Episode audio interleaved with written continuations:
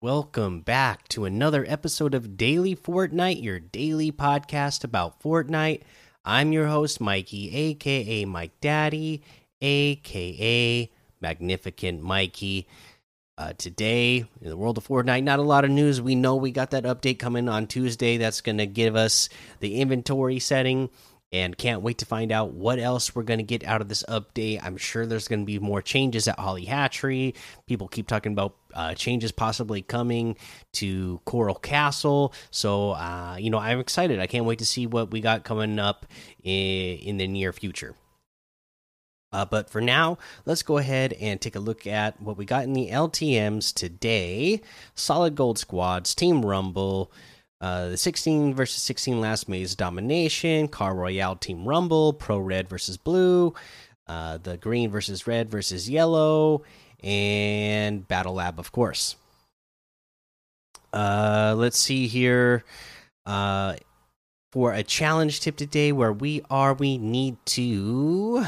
Uh, where are we at? Actually, I think we need to open chests or ammo boxes in low gravity areas is where we uh, left off. So uh, again, you know, this is pretty simple, right? Going to uh, Holly Hedges, aka Holly Hatchery, going to the main building in the center, uh, the one on the northeast side, or the one that's just uh, a little bit to the east of the main building, or uh, the west uh, building on the most west. Those buildings all have uh, low gravity areas around them with the alien nanites permanently there. So you just got to search chests or ammo boxes in those areas. Now, I did confirm that this worked because I did part of the challenge this way. If you happen to be in another area and you pick up alien nanites, uh, like let's say, so I actually picked up alien nanites and holly hedges, and then I went to uh, the uh, the the house that's by the lake that's east of Holly Hedges. I think Dreamflower is there, right? That's where Dreamflower is. Anyways, I went there and there was chests inside of this house. Uh, when I went there, there was two, and I was able to cover enough area in this house uh, with the alien nanites that I threw that uh, I covered both chests. I opened both of them, and I got credit for both of them. So even if you aren't uh, you know, at Holly Hedges. Uh, maybe you're even you're not even focusing on doing the challenge that match, but you happen to find an alien nanite and there's ammo boxes or uh, chests nearby.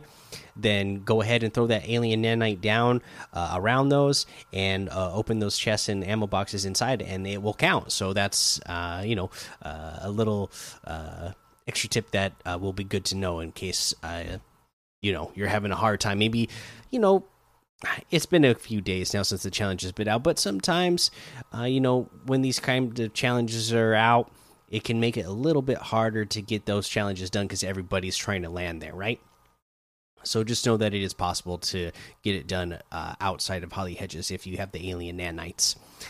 Uh, let's see here. Uh, we can head on over to the item shop and let's look at what's in the item shop today.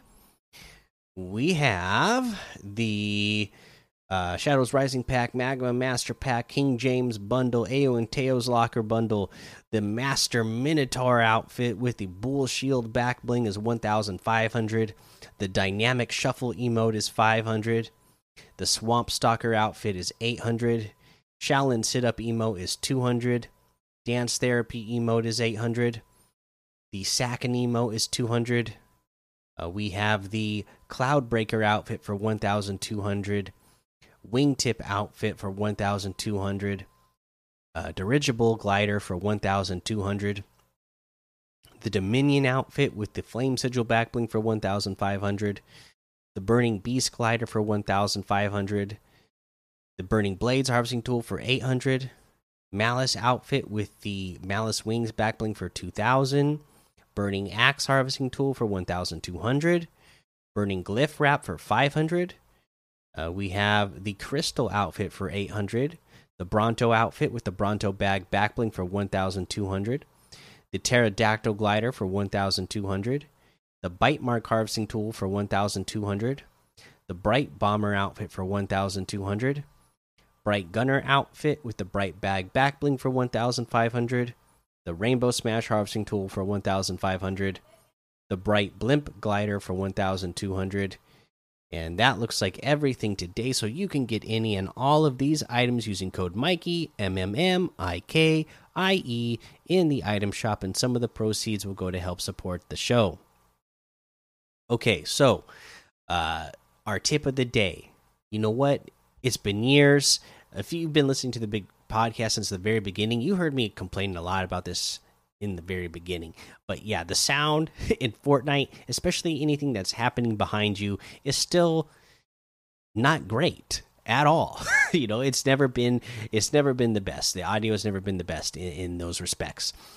And uh you know, this just happened to me today. You can uh, have somebody sneak up behind you and uh you know not even hear them uh, they could be not even sneaking they can be running and sometimes you just don't hear them uh, like happened to me today uh, there, were, there was like two i was playing uh, i can't remember if it was duos or trios match but either way uh, all of a sudden players were right behind me next to me running behind me and uh, built a box around me because i didn't even know they were there and i right when i did shot a missile. Like I was getting ready to shoot a rocket launcher at another team. So there was other noise going around, but we were kind of far away from the other team that I was about to shoot a rocket at because uh, they were in the middle of a, a build battle fight. So I was just going to try to knock them down. And yet this team that was literally right next to me, uh, close enough to box me into a box and uh, make me explode myself with the RPG, uh, I didn't hear them. So uh, you know, any time that you can uh, third party teams from behind, uh, obviously you're already going to have that advantage, but uh, just go ahead and do it. W key in those situations because there's a chance they might not hear you, but especially if you sneak. I mean, if you, even if you're going at you know just using the normal walk or run button, they might not hear you anyways. So especially if you sneak and you're behind them, you have a good chance that they're not going to hear you at all. They're not going to hear you coming. And, you know, this is really good in a situation where uh, maybe a player is boxed in and you want to take a wall. They don't, you could just sneak up right to their build. They won't hear you coming. Maybe they didn't expect somebody to be coming, so they didn't uh, look out that side of the wall. You're just going to walk up right next to it just using that sneak button. They're not even going to hear you. You'll break it down no problem and be able to replace it, especially again if you're doing this with uh, you know, on the side, uh, on their backside. They're probably not going to hear you. And if you break the wall down, uh, they're not going to be able to turn around fast enough and replace the wall with their own wall. So you'll you'll just get an easy wall replace and then an easy elimination after that. Uh, all right, that's the episode for today. Make sure you go join the daily Fortnite Discord and hang out with us. Follow me over on Twitch, Twitter, and YouTube. Head over to Apple Podcasts, leave a five star rating and a written review for a shout out on the show if I could ever get that working. Uh, you know what? Uh, I don't have my phone on me, but we're definitely going to. I'm going to decide. I'm going to figure out if like Spotify has a way for me to look at reviews and whatnot because this uh, issue that I've been having with Apple Podcasts has been going on way too long, and usually you know, we've never gone more than a couple of weeks without somebody leaving a review. So I'm sure there's new reviews out there. I'm just not able to view them right now because of the issues I'm having with Apple Podcasts on my uh, on my phone.